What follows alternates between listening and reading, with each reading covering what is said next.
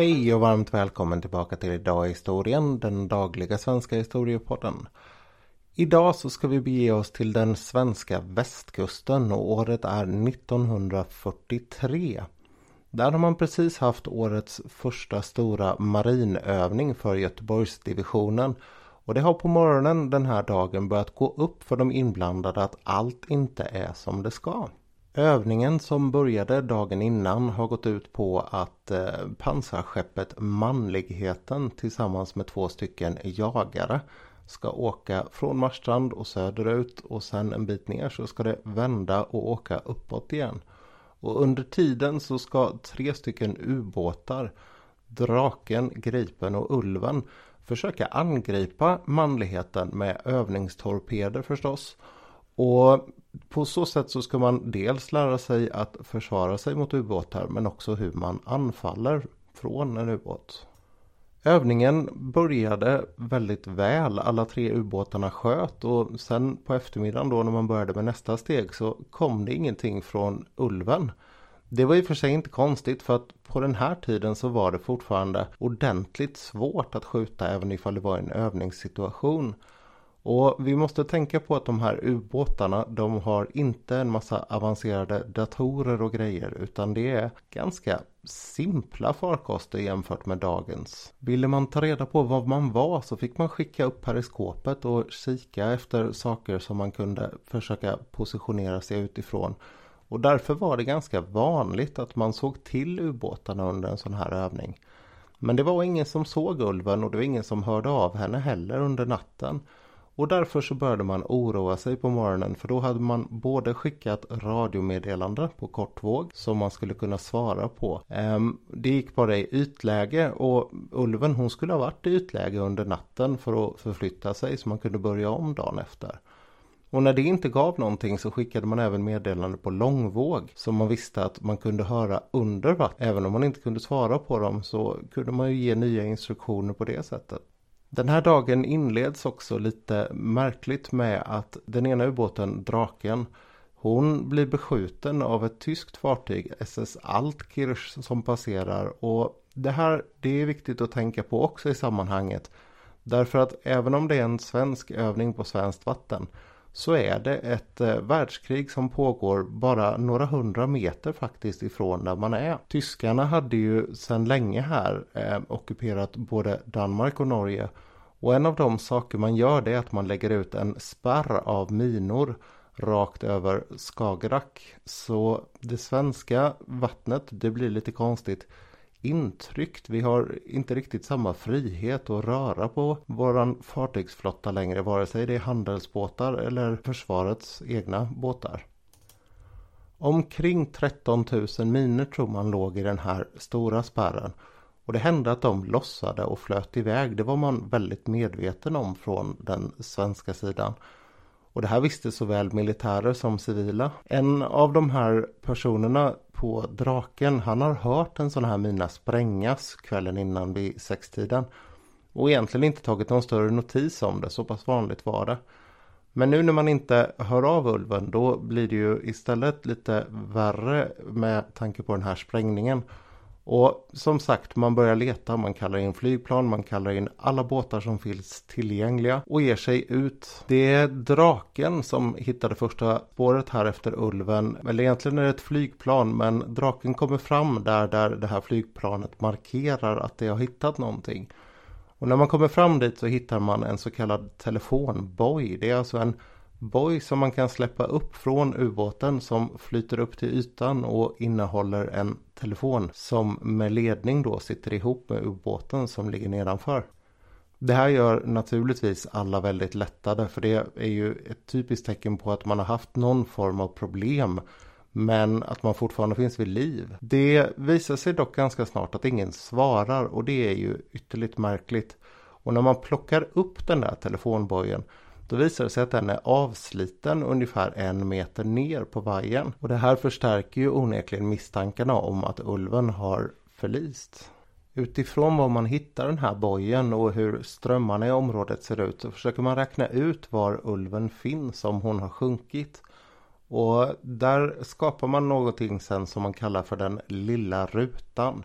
Och det är det området man försöker leta som mest intensivt i eftersom man ja, precis antar att det är som mest troligt att hon skulle finnas där. Den här rutan den rör sig om 2 gånger en och en halv sjömil, alltså ungefär 3,7 gånger 2,7 eh, vanliga kilometrar.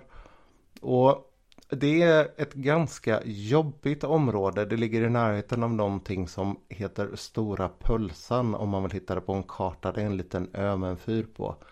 Botten där, den är väldigt kuperad. Det skiljer inom den här lilla rutan 40 meter upp och ner.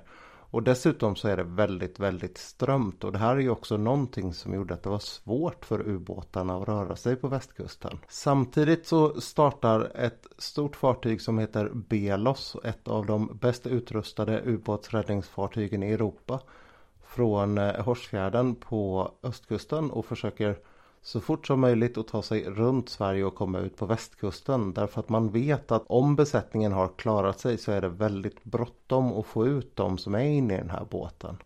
För en ubåt idag kan jag tillägga så är det ju inga problem att gå ner på hundratals meters djup. Men det klarade man inte med de svenska ubåtarna på den här tiden utan 60 meter var max dykgräns för Ulven. Det är ungefär samma längd som hon hade också. Hon var 66 meter lång och 6,5 meter bred. Aktiviteten tilltar sen här och man börjar ta upp så mycket minor man kan därför att fiskarna de säger att i den här rutan här vill vi inte leta för det är så pass mycket minor. Flottan är först lite så här frågande och tycker att vadå minor det har vi ingen aning om att det ska finnas här. Men det visar sig att eh, fiskarna vet bättre och man får plocka undan rätt mycket minor som har drivit iväg från den här driv, äh, eh, minspärren. När första dagen är till ända så vänder ett stort antal båtar tillbaka. Det är alla de militära skeppen plus ett 15-tal frivilliga fiskebåtar som hjälper till att dragga i det här området. Och man har i princip inte hittat någonting. Det har varit något napp här och där och det har visat sig vara alla möjliga olika saker utom ulven. Och det här det är en eh, procedur som ska upprepa sig de kommande dagarna. Vid det här laget så har man gått ut i pressen och berättat att en ubåt är borta och varje dag så samlas folk ungefär som vid Tegnells presskonferenser idag för att höra vad har det kommit för nyheter kring Ulven. Alla är som besatta av den här händelsen och den har fastnat mycket mer i folkminnet än vad andra olyckor gjorde under andra världskriget. Det hade redan varit två ganska stora olyckor vid det här laget. 1940 så hade en båt slått runt i en sjö som heter Armasjärvi och en massa militärer hade omkommit. Och likaså så var det ett antal jagare, tre stycken, som hade sprängts när de låg för ankar. Vilket resulterade i att 33 personer dog. Skillnaden i det här fallet, det var ju mystiken naturligtvis. Att man visste att någonstans där ute på botten så finns det en båt och frågan är ju hur det är för de som är i den. Och det här förstärktes av att det fanns en massa rykten och även rapporterades emellanåt i, i nyheterna att man hörde knackningar. Som om någon som fortfarande levde skulle sitta där inne och knacka i väggen. Man försökte hitta scheman och sådär i de här knackningarna. Och pressen är så pass hård på försvaret i det här läget att den 21, alltså ungefär en vecka, fem sex dagar efter att eh, ulven har försvunnit så går man faktiskt med på att en fjärrskådare som det hette då, ett medium skulle man väl säga idag, får försöka tala om vart den har tagit vägen. Det ger naturligtvis ingenting men det säger någonting om desperationen och den mediala pressen som låg på det här. Ytterligare några dagar senare, den 25, alltså tio dagar efter den förmodade förlisningen, så bestämmer man sig för att avsluta eftersökningarna. Det är helt enkelt så att man räknar med att ingen kan ha överlevt så här länge och dessutom så är alla som har varit inblandade i räddningsarbetet totalt slutkörda efter långa, långa dagar i oftast väldigt, väldigt hårt väder. I början av maj så tar man så upp sökarbetet igen och man gör det genom att använda först flygfoton för att försöka se skuggor av en ubåt på botten och sen markera in dem och söka däremellan. Då kommer man gå igenom den här lilla rutan igen. Och den 5 maj så är det en båt som heter Normy som får ett napp där. Man skickar fram några militärbåtar för att de ska kika och de får samma resultat.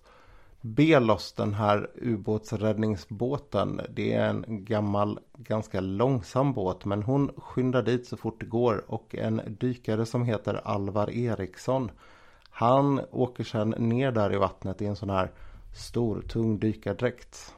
Strax före sex så kan han meddela att han står uppe på tornet till Ulven och att luckan är stängd så ingen verkar ha försökt ta sig ut den vägen. Han kan också se en däckslucka en bit längre fram på båten som också är stängd och han anar att det finns en stor skada i förskeppet. Med sig upp så har han Ulvens flagga för att visa att han faktiskt har varit nere på henne. I och med att man vid det här laget är helt övertygad om att alla ombord är döda så blir det en stor debatt nu när man har hittat henne ungefär som det gjorde med Estonia. Ska man låta henne ligga eller ska man plocka upp henne? Är det en gravplats eller ska man ta i land de eh, avlidna och begrava dem på vanligt vis? Man bestämmer sig för från regeringens sida att det finns ett stort allmänintresse i detta och man vill gå till botten med. Ursäkta, det var inget skämt menat där. Eh, man vill eh, gå till grunden med vad som har hänt med den här båten. Och därför så ska man bärga den. Det sker sen i augusti och när man har fått in eh, Ulven i Göteborg på Eriksbergsvarvet så konstaterar man tämligen omgående att det är en minsprängning som har sänkt henne. Det finns en bit bak från fören, ett stort hål på undersidan. Och dessutom så är hela fören intryckt vilket då rimligen har hänt när hon har tippat över och gått med fören ner i botten. Ehm, fem personer, de har dött omedelbart i den här explosionen antar man. De har varit i rummet precis ovanför där minan har exploderat. Och sen har vattnet forsat in genom båten och dränkt alla i sin väg så att ingen levde längre efteråt. Och det var ju den fråga som alla ville ha svar på. Hade det varit någon ångest, pina och plåga där inne. Men det är man säker på att det, det var det faktiskt inte. Bara ett par dagar senare den 4 augusti så har man en gudstjänst för de här personerna och då ställer man upp alla kistor med svenska flaggor över sig och en eh, stor blomsterkrans på varje kista där det står fosterlandet tackar dig på. Det här är också en tradition som man har hållit liv i och ännu idag så minns man eh, Ulvens besättning på förlisningsdagen den 15 april. Historien är dock inte slut där utan som så ofta när det händer sådana här saker som fångar väldigt många människors uppmärksamhet och som dessutom innehåller spår och stänk av mystik så stannar det kvar rykten riktigt länge.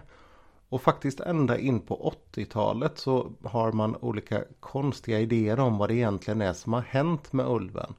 Bland annat då så säger en man som har varit i besättningen på den här SS Altkirch som har skjutit på eh, Ulvens syster Skeppdraken samma dag som man kommer på att Ulven har förlist. Den här besättningsmannen han menar att de har först skjutit mot draken och sen rammat Ulven. Det är ju ganska lätt att bevisa att så inte är fallet för att det finns ju en hel del bilder på Ulven efter att hon är upplockad. Och ingenting av skadorna där tyder på att hon har blivit påkörd. Om det inte har varit av ett väldigt konstigt format skepp i en väldigt konstig vinkel. Ett annat rykte det gör gällande att allihopa överlevde och att när de till slut gav upp där nere då hade de skjutit sig själva. Men det här fick man också gå ut och bemöta från Försvarsmaktens sida och säga att det stämmer inte. Det slutade faktiskt med att man i slutet av 80-talet gav ut en bok från Försvarsmaktens sida där man i detalj gick igenom vad som hade hänt Ulven och varför olika, de mest vanliga av de här ryktena inte stämde. Lösningen var istället precis så enkel och tragisk som att Ulven hade råkat köra på en av de här minerna som hade slitit sig och glidit in på svenskt vatten. Och hon var faktiskt bara 125 meter från gränsen när olyckan skedde. Vad man också kan konstatera så här i efterhand eller konstaterade då det var att sökinsatsen var exemplariskt genomförd med de medel som fanns och utifrån de förutsättningar som fanns. Och med det så återstår faktiskt bara för mig att tacka för att du lyssnade idag och att jag hoppas att du återkommer imorgon. Tills dess, allt gott!